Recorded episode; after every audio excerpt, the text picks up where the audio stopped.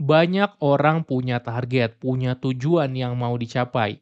Tapi setelah menuliskannya, nggak juga mencapai goal itu, target itu. Kok bisa ya? Mari kita simak. Halo, selamat datang di podcast Cerita Pembelajar.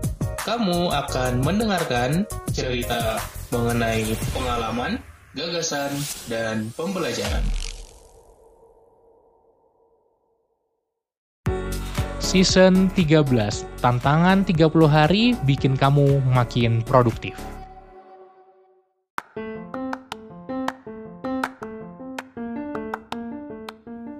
Halo Sobat Pembelajar, balik lagi di Cerita Pembelajar Season 13, tantangan 30 hari untuk jadi makin produktif.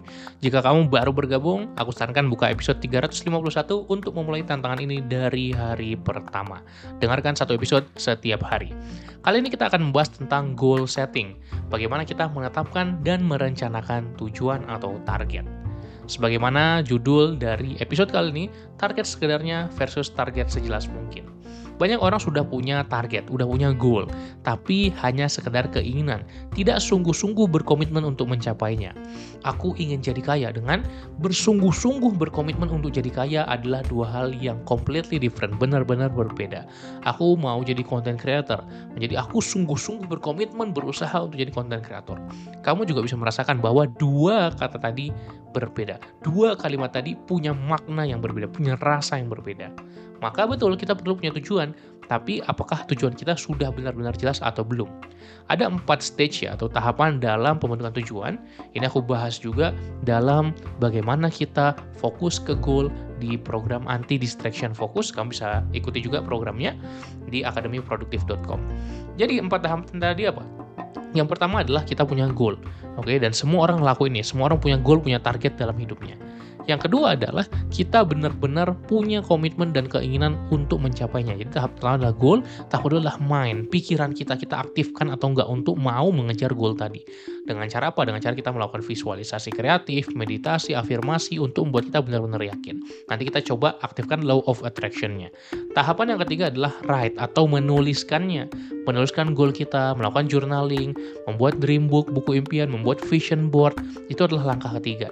Dan langkah keempat adalah perubahan change. Kita benar-benar take action kita benar-benar melakukan analisis yang mendalam kita ngesing apa yang menjadi goal kita ke jadwal kita kita melakukan rencana yang benar-benar konkret.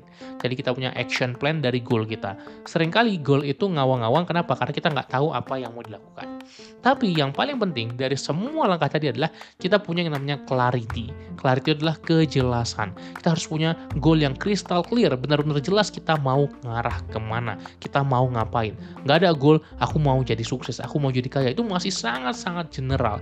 Apa goal kamu yang sesungguhnya? Kamu ingin jadi sukses yang seperti apa? Kamu ingin mengambil peran apa? Kamu ingin jadi orang yang bagaimana? Apa definisi suksesmu, apa definisi kayamu, apa definisi berhasilmu. Setiap orang bisa punya definisi yang berbeda-beda dan itu nggak masalah. Yang penting tentukan goal yang benar-benar jelas, yang benar-benar clear.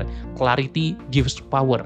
Kalau kita punya kejelasan terhadap goal kita, maka kita punya kekuatan lebih untuk membuat kita terus mencapai goal kita, untuk membuat kita terus mengejar goal kita. Jadi tentukan goal yang mau kamu capai selama sebulan ke depan. Aku mengajak kamu untuk punya satu goal spesifik yang kamu akan capai kamu yakini akan bisa kamu capai sembari kamu dengerin podcast ini satu bulan ke depan, 30 hari ke depan. Ya, ini hari kedua ya. Kamu akan bisa mencapainya di day 30 nanti. Jadi kita perlu punya goal yang membuat kita inspired, yang inspiring, yang membuat kita terinspirasi dan termotivasi. Artinya kita perlu ambisius mencapai goal kita, jangan goal gampangan, goal remeh-temeh tapi tetap perlu visible, tetap perlu memungkinkan untuk kita capai. Jangan kita ambil goal-goal yang tidak realistis untuk dicapai dalam satu bulan. Kamulah yang tahu kapabilitas kamu seperti apa. Apakah kamu ingin meningkatkan income-mu? Apakah kamu ingin melatih skill baru? Atau kamu ingin membentuk kebiasaan yang sudah lama kamu ingin bentuk? Apa goal kamu?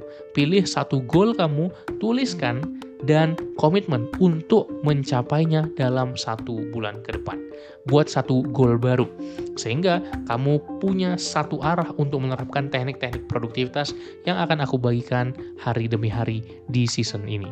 Tuliskan dalam kertas kecil atau to-do list atau apa sticky notes, ya post-it, dan silahkan tempelkan di dinding kamar kamu, di meja kerjamu, di tempat yang sering kamu lihat setiap hari.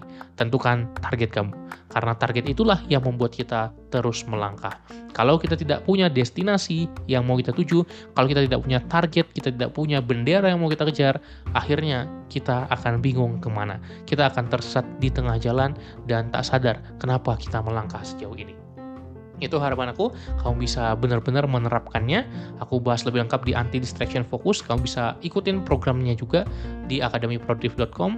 Tapi aku mengajak kamu benar-benar memulai menuliskan goal kamu dan fokus mengejarnya. Semoga bermanfaat. Sampai jumpa di episode berikutnya. Salam pembelajar.